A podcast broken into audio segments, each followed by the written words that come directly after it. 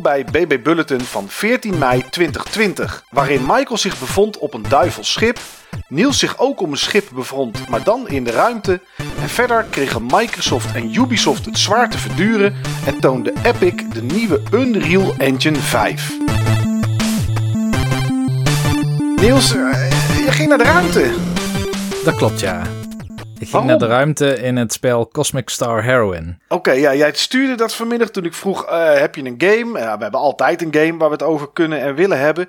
En toen stuurde jij me dit en toen dacht ik: ik heb hier nog nooit van gehoord. Nee, ja, het is niet een hele bekende game volgens mij. Het is ook een, eh, een indie game. En een indie game die, en ik heb daar niet altijd, niet altijd ben ik er zo fan van, maar een indie game die probeert om nostalgische gevoelens of beelden terug te halen bij de spelers. Uit het SNES-tijdperk zag ik aan, aan wat ik zag. Ja, het is een indie game gebaseerd eigenlijk op, eh, laten we zeggen, eh, de setting van Fantasy Star. Met een Ja. klein beetje Mass Effect. Dat je zo'n schip hebt waarmee je naar planeten kan. En eh, een hele gevarieerde crew hebt. En die je ook verwerft tijdens je avontuur. En ik zou zeggen het battlesysteem van Chrono Trigger. Oké, dus duidelijk echt wel geprobeerd een eh, 16-bit RPG te maken, zeg maar. Ja, en dat is grotendeels gelukt. Oké, Ja, ik eh, ben nog niet helemaal klaar met deze game. Meestal heb ik het over games waar ik al mee klaar ben. Maar ik vind het juist leuk om een, zeg maar, in-progress game een keer te bespreken. Want dan zit ik er nog helemaal in. En dan kan ik niet, zeg maar, terugkijken en proberen de hoofdconclusie te ontwijken tijdens mijn verhaal. Want die weet ik nu ook gewoon nog niet. Dus ik ben nog zoekend. Maar ehm, ja, de setting, eh, ja, zoals ik net al zei, eh, is redelijk bekend. Leunt heel erg richting dingen die we al kennen. Dus bijvoorbeeld alien planeten, ehm, geavanceerde, ja, laat ik het zeggen, eh, jaren 80, 90 anime-stijl sci-fi. Dus veel androids, robots, bio-mutants, dat soort zeg maar, creaturen zul je hierin tegenkomen.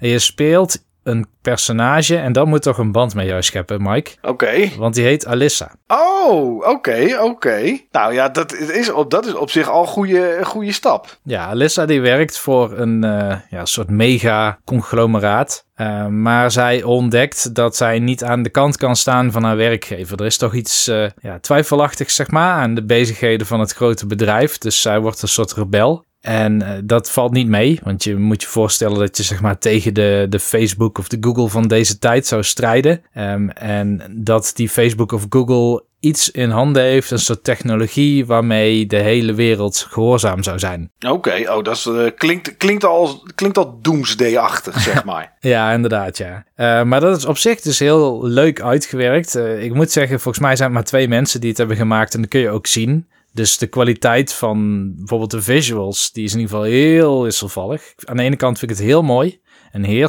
heel sfeervol. De worldbuilding is echt heel, eh, heel goed gedaan. Doet me een beetje denken ook soms eh, in steden bijvoorbeeld aan Syndicate. Ik weet niet of je die nog kent van vroeger. Van Ja, Bullfrog. ja, ja, zeker wel. Ja, dat soort esthetiek moet je aan denken qua zeg maar meer de urban aspecten van de game. Je hebt ook weer jungles en die, die doen weer meer denken zeg maar aan Chrono Trigger. Maar ik denk dat wat dit spel eh, aan de ene kant heel goed maakt, is dat battle systeem met al die karakters. Want ik zei net dat je bent weliswaar Alyssa, dat is jouw main party member. Maar gedurende het avontuur kom je echt heel veel verschillende karakters tegen. Eh, ik heb er nu sowieso al tien, denk ik, in mijn party. Oké, maar die kan je vast niet allemaal meenemen tegelijkertijd. Nee, je hebt eh, vier mensen tegelijkertijd. Maar wat ik heel goed aan deze game vind, ik zei net al, het is een beetje Chrono Trigger-achtig. Dus je ziet vijanden wel op de overworld, maar zodra je er tegenaan loopt, dan instantieer je zeg maar een gevecht. Maar wat heel goed is, is dat elk karakter voegt echt iets toe in de dynamiek van je battlesysteem. Ehm dus elk karakter heeft een rol en heeft acties, handelingen die passen bij die rol. Dus ik heb bijvoorbeeld ehm, een, een, een gast en dat is een hacker. En Ja. Zijn vaardigheden die sluiten beter aan op zeg maar robotische vijanden. Want hij kan ook dingen bijvoorbeeld doen met roest. Zodat eh, je kan je voorstellen dat metalen onderdelen zouden gaan roesten. Oké, oh, dat is wel cool. Dat heb ik nog nooit in een game gezien, volgens mij. Nee, dus je hebt niet alleen skills, maar ook items. En die zijn altijd specifiek voor je verschillende partymembers. Dus als ik naar een, uh, een shop ga in het spel, en die zijn er best wel veel, want er zijn best wel veel dingen die voor dorpen zouden doorgaan, dan hebben ze meestal voor ongeveer elke partymember wel een nieuw soort wapen die iets kan, of een, uh, een shield wat iets apart is wat deze game doet, of een soort accessoire wat iets aparts doet. Dus eigenlijk hebben al die karakters ook, ja, misschien een beetje net als Xenoblade Chronicles 2, dat ze dan een eigen soort van skills set hebben. En dat je die probeert om optimaal te benutten in het battlesysteem. Maakt het dat dan ook lastig, hè? Dat als je, om te kiezen welke partymembers je meeneemt als je op pad gaat? Ja, eigenlijk wel. Nou zijn sommige partymembers afgedwongen doordat je met een quest bezig bent. Ik heb bijvoorbeeld net een soort van uh, murder mystery quest gehad. En uh, dat is dus het mooie. Dus je hebt niet uh, slachtig 20 konijnen of zo. Maar al je quests hebben heel erg te maken zeg maar, met het, verhaal waar je mee bezig bent. In de Murder Mystery was bijvoorbeeld een, uh, een burgemeester uh, vergiftigd. En je krijgt dan daarna een partymember en die is detective van beroep. En die helpt je dus ook qua verhaal, zeg maar, met het murder mystery oplossen. Maar de skillsets die hij heeft, die passen ook wel weer bij zijn beroep. Maar dan uh, vind je bijvoorbeeld clues en die moet je laten onderzoeken in een laboratorium. En dan ga je naar een soort van snackbar waar je vermoedt dat iemand vergiftigd is. Nou ja, dat soort avonturen beleef je dan. En dat is eigenlijk allemaal heel erg mooi gedaan. Maar er is wel één ding en dat stuit me enorm tegen de borst. En dat is hoe het geschreven is. Geschreven als in de dialogen? De dialogen, ja. Ik denk dat ik wel eens heb verteld dat in principe maakt het mij niet uit wat het verhaal van het spel is als het maar goed is geschreven of zeg maar goed is gebracht. En dit is zo'n spel dat het soms compleet verkeerd brengt. En dat, echt dat het gewoon irriteert. Zwaar irriteert. Dus om een voorbeeld te geven, hè? Ja, ik ben benieuwd. Ja, nou, op een gegeven moment dan zit, ben je aan boord van je schip en dan moet je dus landen op een planeet, maar die is heel erg beveiligd. Dus de NPC's met wie je dan in de bridge crew, zeg maar, de bridge crew moet ik zeggen, daar heb je dan overleg mee. En die, die geven aan, ja, die planeet uh, oppassen is beveiligd. Misschien is het beter als je met een klein team gaat. Dus dat je niet met een voltallige party gaat, maar bijvoorbeeld met twee personages of alleen. Nou, dan, uh, dan doet je hoofdpersonage Alissa daar best wel uh, gewichtig over, over die beslissing. Maar goed, dan uiteindelijk gaat ze dan. En dan, dan ga je op de bridge staan. Dan activeer je dat je naar die planeet gaat. Dan zie je vier seconden dat jouw schip voorbij de security vliegt. En dan ben je geland. En dan heb je weer de controls. En dan zegt Alissa: Zo, dat was wel een heftige security. Ik denk van ja. ik heb daar niks van echt gemeend over voelen komen van dat. Nee. Omdat nee, het gewoon een cutscene is. Ja, zeker als het in vier seconden voorbij is. Ja, en uh, het spel probeert ook heel erg dingen uit te leggen. Waarvan ik denk, die had je eigenlijk juist moeten laten zien of laten ervaren door de speler. Dus dat, dat je net bent misleid of zo door een personage. En dan gaat het hoofdpersonage enorm uitleggen. Oh, ik, ik heb het door. Want toen hij dit zei, bedoelde hij dat. En dat zei hij om mij te misleiden, zodat ik dit dacht, zodat ik dat ging doen. Maar eigenlijk bedoelde hij dit. Nou ja. Oh, ja, ja, ja. Oké, ik, zou zeggen, ik snap de irritatie. Show, don't tell. En dan hebben ze compleet omgedraaid. Ja. Hoe lang moet je nog, denk je, voordat je hem uitgespeeld hebt? Ik gok een uur of vier of vijf, zoiets. Oké, en hoeveel heb je er dan totaal in gestoken? Dan zou ik er 13 uur in hebben gestoken. Oké, maar dat is op zich te doen. Ja, nee, het is een korte game en hij, hij is wel vermakelijk. Hij wordt vaak aangeraden als iets wat je echt mee moet maken. En ik denk zeg maar qua de feel van de gameplay vind ik het echt een goede game. Alleen wat het vertelt, of meer hoe het het vertelt, dat slaat wel echt de plank voor mij mis. Dus het zijn uh, ja, hoogte- en dieptepunten, zal ik maar zeggen. Ja, ja, oké. Uh, ja, ik bevond me op een duivelschip de afgelopen week. Ik, uh, ik was eigenlijk een beetje klaar met een game waar ik het eerder over heb gehad. Het Plague Still. En dat is niet omdat ik hem uitgespeeld heb. Maar waar ik destijds bang voor was, dat is inmiddels wel aan de hand. Dat uh, ja, ik kan twee missies doen en dan is het te herhalend. Uh, dus ja, ik, ik was eigenlijk op zoek naar iets anders. En toen kwam ik iets tegen dat ik ooit een keer geprobeerd heb op de 3DS. Daar was toen een demo van. Daar is de game ook origineel voor gemaakt. Hij is later uitgekomen, in ieder geval voor Xbox 360, PS3 ook nog. En vast ook nog wel voor andere systemen, maar ook voor de Switch. En dat is waar ik het op gespeeld heb. En dat is Resident Evil Revelations. Ik weet niet precies waarom ik die game ben gaan spelen. Maar um, ja, ik had eigenlijk wel zin in. Nou ja, misschien was dat wel de reden. Dat ik eigenlijk wel een beetje zin had in een, in een Resident Evil-achtige game. En ik was met twee, vond ik, uh, vond ik heel tof, die, die remake. Drie, die heb ik niet gespeeld. Maar ja, goed, eh, iedereen om me heen die het speelde vindt het toch een heel stuk minder. Dus ik denk, nou weet je wat, ik heb hier Revelations. Laat ik die dan eens een keer gaan proberen. En ik wist dat het een game was die in episodes uh, te spelen is. Tenminste, zo is die uitgekomen. Um, maar wel in één keer. Dus dat vond ik wel een beetje vreemd. Het zijn twaalf episodes. En je ziet ook elke keer episode 1 en episode 1 ends. En, en dat soort dingen zie je staan. Want Resident Evil Revelations 2, dat waren vier episodes, als ik het me goed herinner. En die kwamen een week na elkaar uit. Dus ik dacht eerst dat dat hier ook het geval bij was. En dat ik dan gewoon een collectie had waar het allemaal in zat. Maar dat is het dus niet. En het is een game die zich afspeelt tussen Resident Evil 4 en 5 in. Het is een losstaand verhaal, althans tot nu toe, met wel wat bekende gezichten, zoals eh, Chris en Jill. Nou ja, dat zijn namen die je uit eerdere games wel kent. En ja, het verhaal is tot nu toe echt heel erg slap. En eh, daar kom ik gelijk bij het punt waar jij net mee eindigde, Niels, bij jouw game. Dat je zat van, ja, weet je, het verhaal maakt me niet zoveel uit als het maar een beetje gebracht wordt. Ja, en dat is het probleem wat ik met deze game heb. Hmm. En dat komt door de voice acting. Die is echt heel slecht.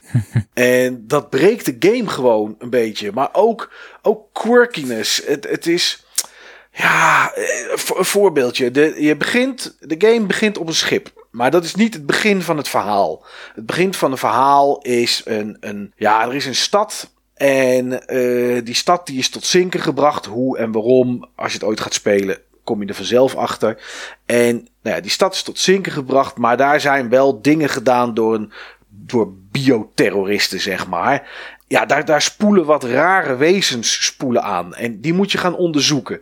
En dat is het eerste dat deze game anders maakt. En ik denk dat ze dat gedaan hebben vanwege de 3DS. Dat ze misschien daar met, maar dat weet ik niet meer, met, met uh, movement of wat dan ook. Dat je daar dat je daar misschien iets mee kon doen. Maar je kan objecten kan je scannen. Niet alleen objecten, je kan hele ruimte scannen om items te vinden die, die verborgen zijn.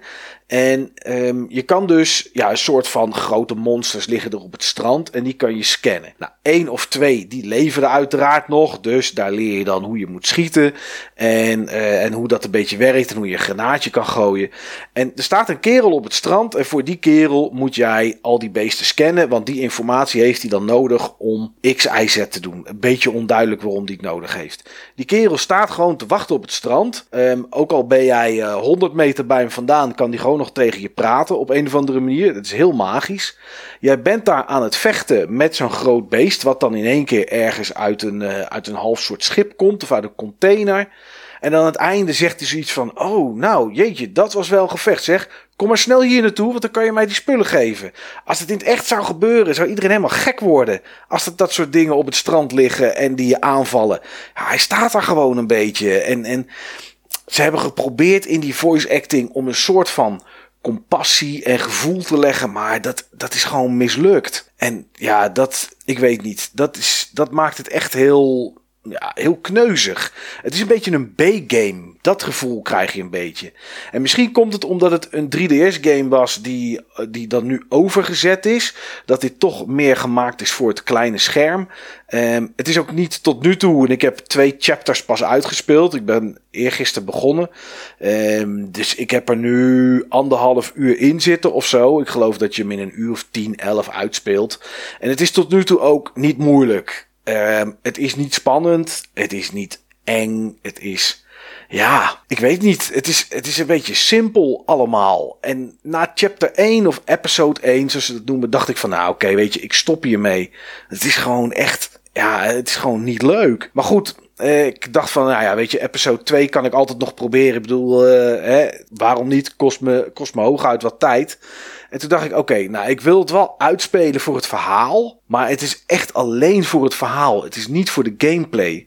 En er zitten ook dingen in die ik ook niet des Residents Evil vind. Ik, zoals ik zei, dat scannen. Nou ja, dat is uh, grappig dat het kan. Maar je kan dus niet alleen tegenstanders scannen. Je kan ook ruimtes scannen. Dus als je binnenkomt in, uh, weet ik veel, in een kamer. Dan trek je die gun, dan kijk je door het vizier. Ja, dan ga je overal langs uh, om even te kijken of er iets is wat je kan scannen. Maar dat doe je dus in elke ruimte. Daardoor heb ik nooit ammo tekort. Want ik heb, ik heb, nou, bij, je kan, ze kunnen die game net zo goed op onbeperkt ammo zetten.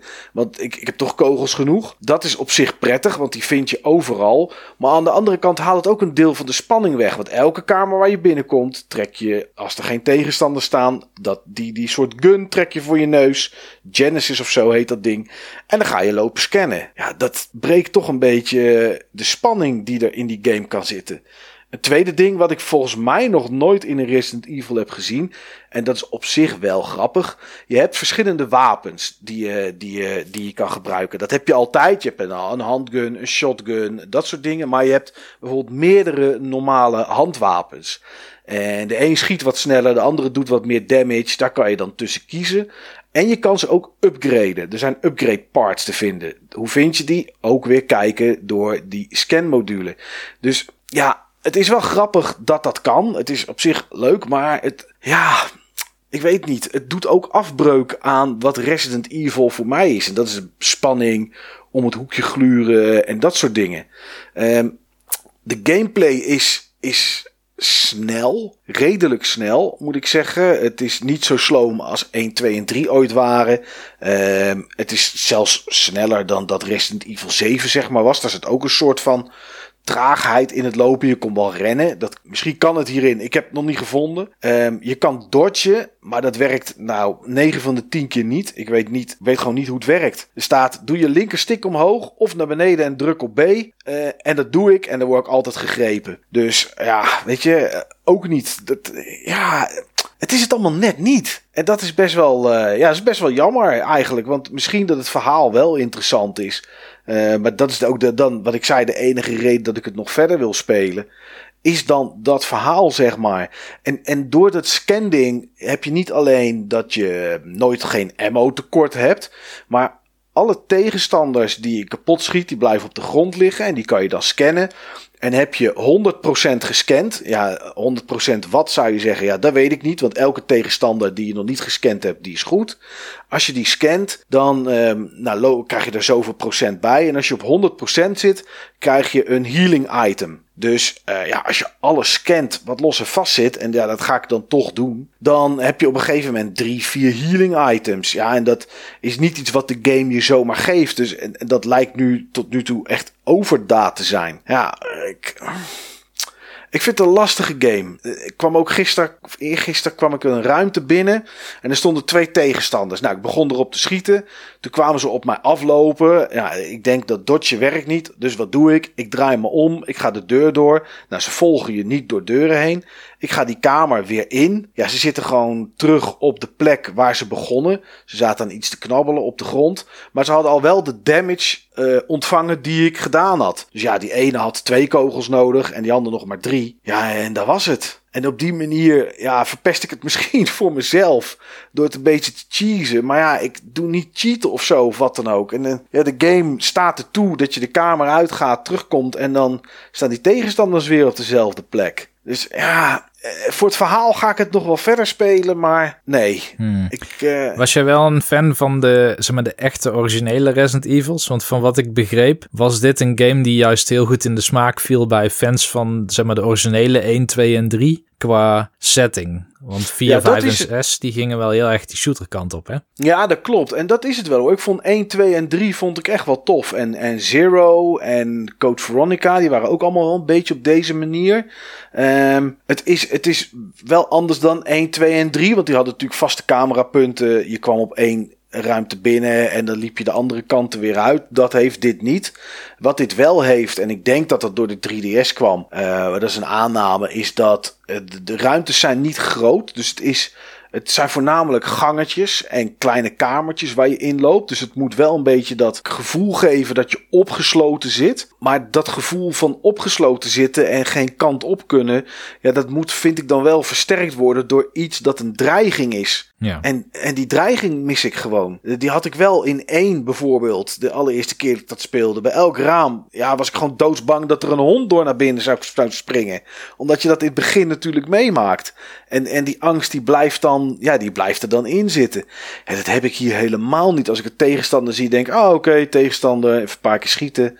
Uh, klaar en door. Uh, ja, je komt wel op verschillende plekken. Dat is, dat is dan wel grappig, want die episodes, dat is niet opvolgend. Dus de ene episode speel je met, uh, met personage A en B. En episode 2 speel je dan met DNC. Um, ik weet niet of zich dat afwisselt. En, en of er nog meer personages in zitten waarmee je gaat spelen. Ongetwijfeld komt het straks ergens in episode 10, 11 of 12 komt het bij elkaar.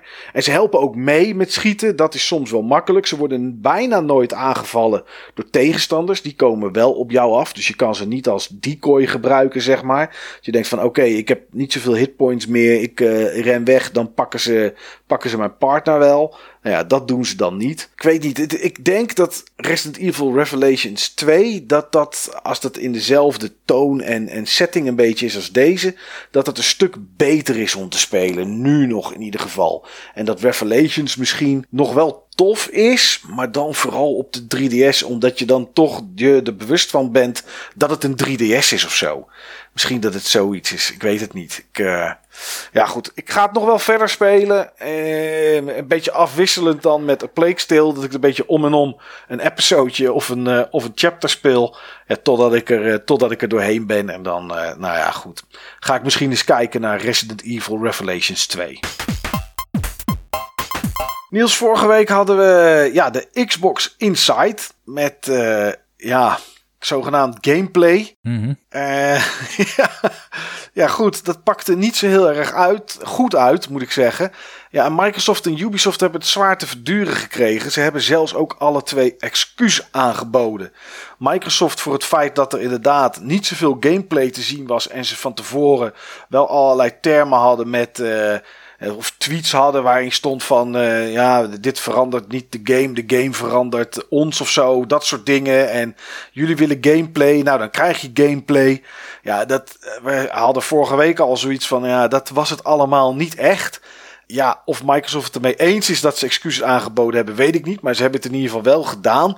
Vind je dat terecht? Um, ja, ik, uh, ik denk dat ze niet zo hadden moeten zeggen, zeg maar, dat ze echt gameplay gingen tonen. Ik denk, denk dat de verwachtingen... Ja, ik, ik, moet wel eerlijk bekennen trouwens, voordat ik deze zin afmaak. Ik heb helemaal niet opgelet in die week. Ik heb het heel, heel druk met werk tegenwoordig. Dus ik lees bijna niks meer online. Um, dus ik heb ook niet meegekregen in hoeverre Microsoft hier heel veel PR heeft erachter heeft gezet voordat het kwam. Ja, nou, je zag het op um, Aaron Greenberg en Phil Spencer en het Xbox uh, Twitter-account. Die zeiden, die hadden wel echt termen dat je dacht van oké, nou we gaan echt gewoon 30 minuten, daarvan krijgen we 20 minuten gameplay.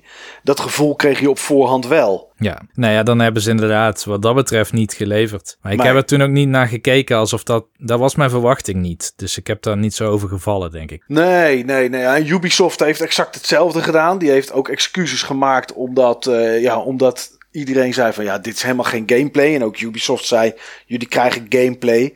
Ja, Ubisoft die heeft wel meer backlash gehad. En, ja, het is, het is zo stom allemaal. Um, ik weet niet of je het meegekregen hebt, maar de game hebben we eigenlijk nog niet echt gezien. Toch? Ja, we hebben het trailer gezien en we hebben een beetje een idee, maar we hebben nog geen gameplay gezien, niks. Nee. nee, wat doen ze? Ze kondigen al wel alvast alle edities aan die er zijn. En er is ook een Season Pass. Nou is dat niet zo heel erg bijzonder dat er een Season Pass is. Maar uh, een redelijk bekend mythologisch figuur is Beowulf. En daar is een missie van. En die missie die unlockt als je de Season Pass koopt. Ja, daar werden mensen toch niet heel vrolijk van. We hebben de game nog niet eens gezien. En je zet nu al. En het is niet eens Season Pass spul. Want hij unlockt al als je de game koopt, zeg maar. Is een gijzelen content achter de Season ja, Pass. Ja. ja, direct al. Voordat we de game überhaupt hebben gezien. Ja. Ja, dat is niet heel slim. En toen kwam er volgens mij een dag later het bericht um, dat de game op de PS5 en de Xbox Series X in ieder geval, maar ze zeiden niet meer, draait op 30 frames per seconde. Ja, dat is natuurlijk ook niet heel erg lekker. Want iedereen, bedoel, Microsoft was daarna zo van, ja, die Dirt uh, Rally 4 was het, geloof ik. Of zo, of Dirt Rally 5, ik weet niet welke we zagen. Ik hou de Dirt-series niet heel erg bij. Um, ja, die, uh, dat zou wel eens de eerste game kunnen zijn die op 120 frames per seconde gaat draaien. Nou ja, leuk. Hè, zou kunnen zijn. Hè, niet echt van is. Maar goed, en dan komt Ubisoft komt met, ja, ja, het draait in ieder geval op 30. En ja, al dat bij elkaar. En toen werd ook nog in nieuwsberichten dat allemaal gekoppeld aan Xbox. Want ja, we hebben gezien dat hij op de Xbox draait. Dus ja, het was wel. Uh, het was geen beste week wat dat betreft nee. voor Microsoft en Ubisoft. Gisteravond was uh, Summer Game Fest. Heet het zo? Ja, hè? Geen idee. Ik heb er niet op gelet. Oh, van, uh, van Jeff Keighley. Die heeft de hele zomer door af en toe uitzendingen die, op internet. Waarvan we niet heel erg weten wanneer er nou wat komt of wat dan ook. Maar goed, had deze, twee, deze week had hij twee onthullingen. En die ene, nou, die komt aan het einde bij het kleine nieuws. Dat is niet heel erg groot en bijzonder. Maar gisteren toonde hij, tenminste liet hij de beelden zien die Epic Games hem heeft aangeleverd voor de Unreal Engine 5. De nieuwste Unreal Engine is nog niet beschikbaar. Er zijn een aantal bedrijven die ergens dit jaar een soort van preview versie daarvan krijgen als het goed is. En in 2021, begin 2021, dan komt de engine beschikbaar voor alle ontwikkelaars om daar games mee te gaan maken. Dus ja, wanneer we daar de eerste games mee gaan zien, dat moeten we nog maar even, dat moeten we nog maar even afwachten. AOL, de eerste game komt eind dit jaar.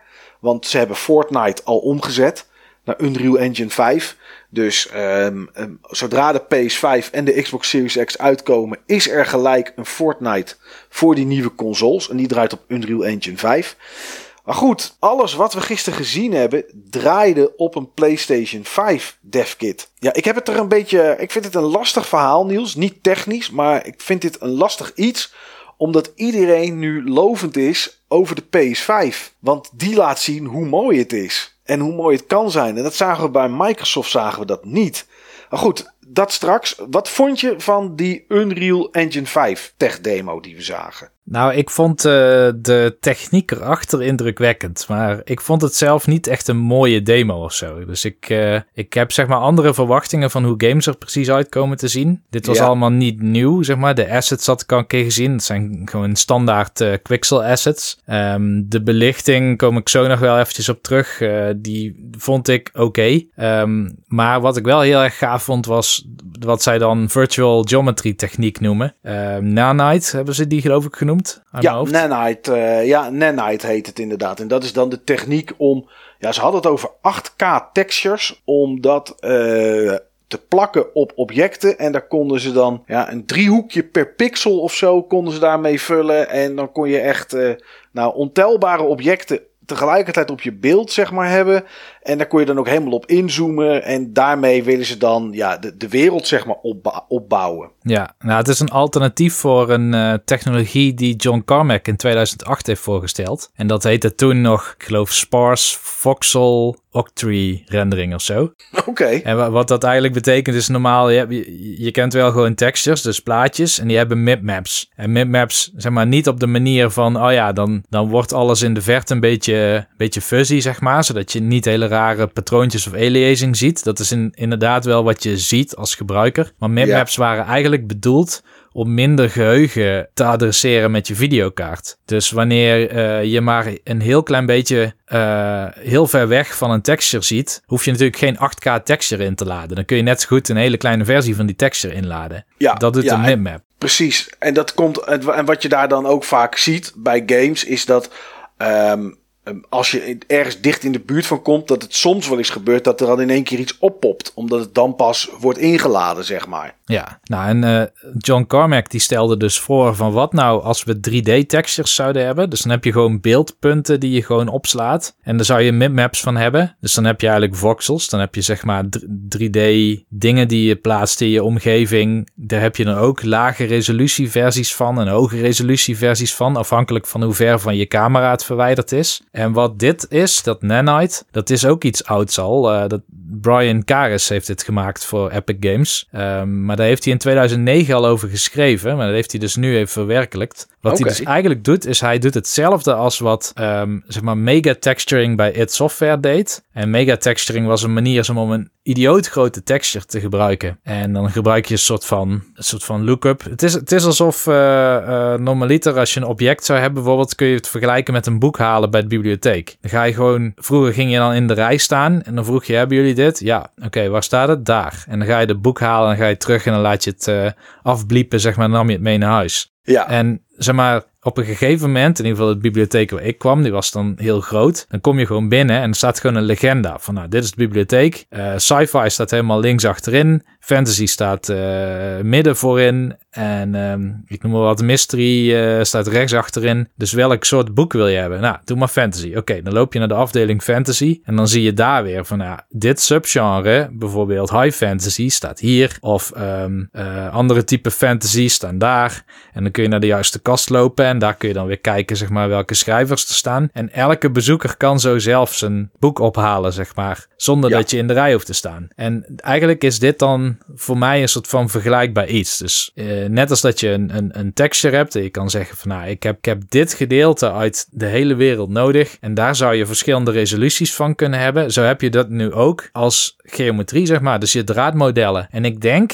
dat die opgeslagen zijn als een soort texture. Waar ook automatisch okay. mipmaps van getrokken worden. Dus wel interessante technologie. Ja, nee, zeker. Want dit, wat dit doet, is dat in ieder geval voor game artists, hè, ik bedoel, die gebruiken nu uh, ZBrush en dat soort tools om hele hoge resolutie modellen te maken. Maar de in-game versie is meestal een conversie daarvan. Dan moeten ze waarschijnlijk dan eerst downscalen. Dan moeten ze met de hand zorgen dat alle compressie-artefacten weg zijn. Ik denk dat het misschien wel een derde van de tijd, misschien wel de helft van de tijd gaat schelen om assets te produceren. Omdat je nu gewoon je hoogste resolutie kan gebruiken als game content. Ja, ja, dat is op zich interessant. En ik denk ook dat, het wel, dat dit wel iets is wat, wat een hoop mensen vooruit kan helpen. Maar ik heb ook wel gelijk een, een kanttekeningetje bij. En dat is, ja, het zit in de Unreal Engine 5. Maar dat is het. Want het zit niet in, uh, in de nieuwe, waarschijnlijk of zo, in de nieuwe Unity Engine of de engine van Rockstar. Uh, niet iedereen gebruikt de Unreal Engine. Dus zou dit iets zijn, een technologie die ook naar andere engines gaat komen, denk jij? Of is dit iets wat straks ja, alleen in de Unreal Engine zit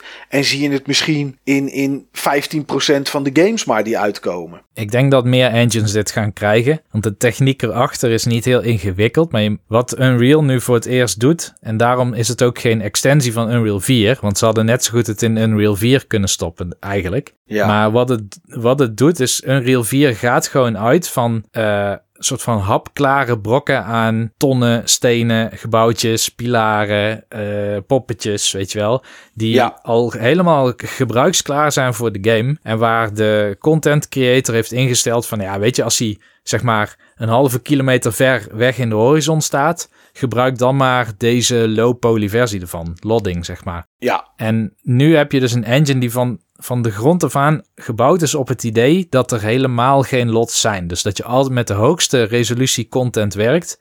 En afhankelijk van hoeveel pixels het in beslag neemt op je scherm straks, um, gebruikt hij een mapmap van die content. Zo zal ik het maar even noemen. Dus een, een lage resolutieversie. Ja, iets anders wat er ook, wat er ook getoond werd, en zei al, dat was ik ja, oké, niet zo heel erg onder indruk van, was Lumen. Dat was een nieuw systeem, uh, wat ze, tenminste ze noemt in ieder geval, een nieuw systeem voor licht. En we zagen er ook een voorbeeld van. Je zag uh, in de demo zag je een, een soort Lara Croft-achtig figuur. Zag je in een, in een grot staan. Daar zetten ze de game even stil. En boven was een gat. Daardoor kwam licht naar beneden.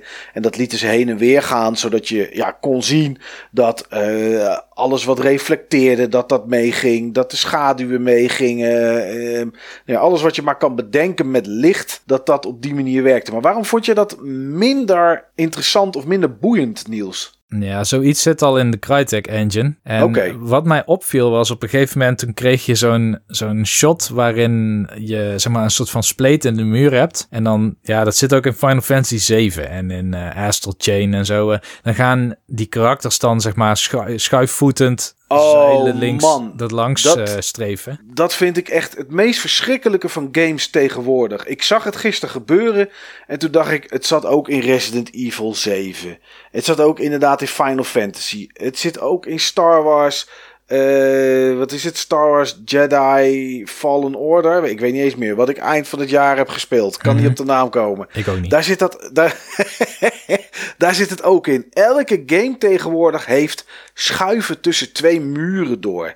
Verschrikkelijk. Maar goed, het gaat jou niet om dat, denk ik, maar meer om wat je zag. Ja, daar viel mij dan op. Zeg maar, ik heb zelf wel een keer Global Illumination ook geïmplementeerd. En dan met path tracing. Dus dat is niet te doen voor de volgende generatie consoles. Daar zou je nog sterker eh, systemen voor nodig hebben. Eh, maar goed, kun je natuurlijk wel optimaliseren. Maar wat ik dus zag, is dat er valt een direct licht, zonlicht, valt op de rechtermuur in dat shot. Ja. Dan zie je dat de linkermuur is ook zichtbaar. Eh, dat komt, zeg maar, vanwege Global Illumination zou zeggen, ja, licht wordt gereflecteerd door de rechtermuur, dus de rechtermuur belicht de linkermuur op zijn beurt weer. Ja, Dat is logisch, hè? Dat is een light bounce. Zeg. Ja, dat ziet er ook licht goed uit. stuitert, stuitert van die muur af. Omdat het altijd gereflecteerd wordt, iets. Behalve als het, als het zwart is. Dus wordt de andere muur ook verlicht. Ja, en dat zag er helemaal prima uit. Maar wat dan raar was, is dat de achterkant van het karakter, wat je dan bestuurt, was ongeveer net zoveel belicht als de muur achter je. Maar de achterkant van het karakter kan natuurlijk alleen maar via de muur achter je belicht zijn. Dus Oh, dit zegt ja. eigenlijk van, je hebt eigenlijk maar één light bounce. Alleen de achterkant van het karakter klopt niet qua belichting. Dus dat is een trucje wat ze hebben uitgevoerd. En ik zag hetzelfde toen eh, het karakter met een soort van licht ging rondlopen in de grot. Ja, met dat blauwe balletje licht waarmee ze dan eh ongedierte een beetje wegging, eh wegging jagen, zeg maar. Ja, hierin leek ik een combinatie van belichtingstechnieken te zien. En die ehm pakte soms niet realistisch op elkaar over. Dus als bijvoorbeeld het karakter dan een trap opliep met die fakkel. Dan zou je denken, oké, blauw licht eh, wordt weer volgens, vervolgens met de muur gereflecteerd. Dus het zou bijvoorbeeld een trede van de onderkant een klein beetje moeten belichten op een gegeven moment. Maar dat deed het dan weer niet. Dus ik zag trucjes die net niet lekker werkten. Het is, het denk ik een goede poging en het is vast geoptimaliseerder en beter dan dat we in andere Global Illumination engines zien. Maar het is niet beter dan bijvoorbeeld in de Crytek, want die belichting is eigenlijk realistischer dan die nu in Unreal zit. Nee, de engine komt eh, in ieder geval naar de Xbox Series X, naar de PS5, maar ook naar Windows, naar de PS4, naar de, de Xbox One en ook naar de Switch en zelfs naar mobiel en naar Mac. Dat hebben ze in ieder geval allemaal aangekondigd. Waarschijnlijk misschien met wat minder trucjes of wat dan ook, maar de engine komt er in ieder geval wel vooruit. Ja, tot slot op dit onderwerpje. Zet dit nu Sony één stap voor Microsoft na vorige week en kijkende naar wat nu op de PlayStation 5 getoond is? Ik denk voor mensen die dat heel graag wilden zien dat het dat doet. Hmm. Maar ja, ik zeg maar, als iemand zeg maar, die, die meer geïnteresseerd is in de engine dan in de platforms waar het op gaat draaien, eh, zie ik gewoon het verschil. De ene toont games, de andere toont een tech demo. Ja. De tech demo ziet er weliswaar beter uit dan de games, dat klopt. Ja. Maar de tech demo is weer niet per se een representatie van wat die console straks gaat doen. Nee, en dat vind ik er zo moeilijk aan. Hè? En dat, dat, dat, dan, dan krijg ik ook wel een beetje. eh, Ik, maak ik weet me niet zo snel op over dingen. Maar met dit kan ik dat dan wel hebben, omdat ik dan. eh, in allerlei WhatsApp-groepjes voorbij zie komen. dat de PlayStation 5 mooier is dan de Xbox Series X. En denk ik, ja, weet je. Kijk terug naar de demo, naar de tech-demo van de Unreal 4 engine. Daar zie je nog steeds dingen in zitten die wij nog steeds niet gezien hebben in games. En Ja. zo mooi als het daar was, is het nooit geworden. Hetzelfde bij een jaar of vijf geleden had Square een demo met, uit een engine die ze gemaakt hadden. Dat hebben we ook niet teruggezien.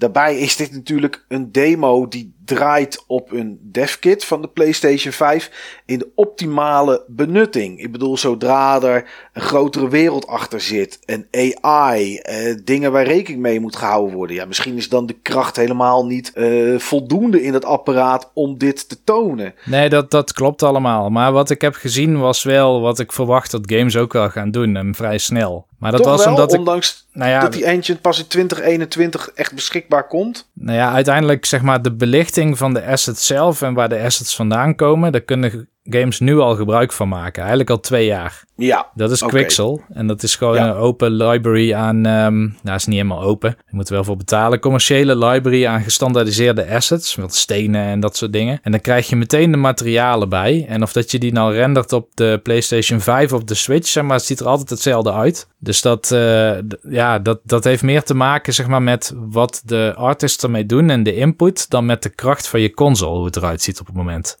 Nou, ik ben benieuwd. We gaan zien wat het, eh, wat het gaat doen. Eh, het was in ieder geval wel interessant om te zien. Omdat het in een week die redelijk rustig was, wel wat gesprekstof eh, deed op, op, opwaaien. Dus daar was het dan wel weer interessant voor. Nog even wat korte dingetjes uit de afgelopen week.